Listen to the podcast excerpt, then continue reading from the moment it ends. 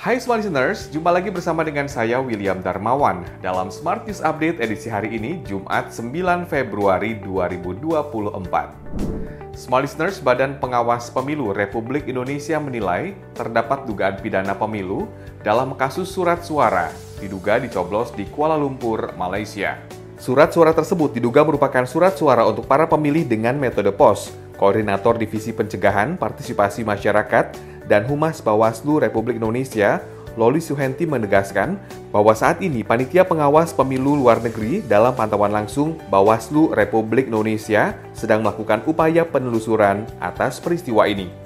Kita ke berita selanjutnya, Badan Penyelenggara Jaminan Produk Halal atau BPJPH Kementerian Agama kembali membuka fasilitasi 1 juta sertifikasi halal gratis atau sehati yang diperuntukkan bagi pelaku usaha mikro dan kecil. Pendaftaran sehati sudah dapat dilakukan secara online, adapun cara mendaftarnya dengan mengunduh aplikasi Pusaka Super Apps di Play Store atau App Store.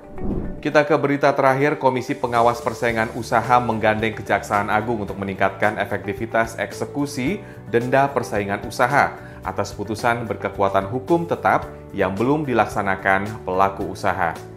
Ketua KPPU M. Fansurlah Asa mengungkapkan pertemuan dengan Kejagung menggarisbawahi bahwa masih terdapat sekitar 286 miliar rupiah denda persaingan usaha dari 115 putusan dengan melibatkan 191 pelaku usaha yang belum dibayarkan selama 23 tahun terakhir.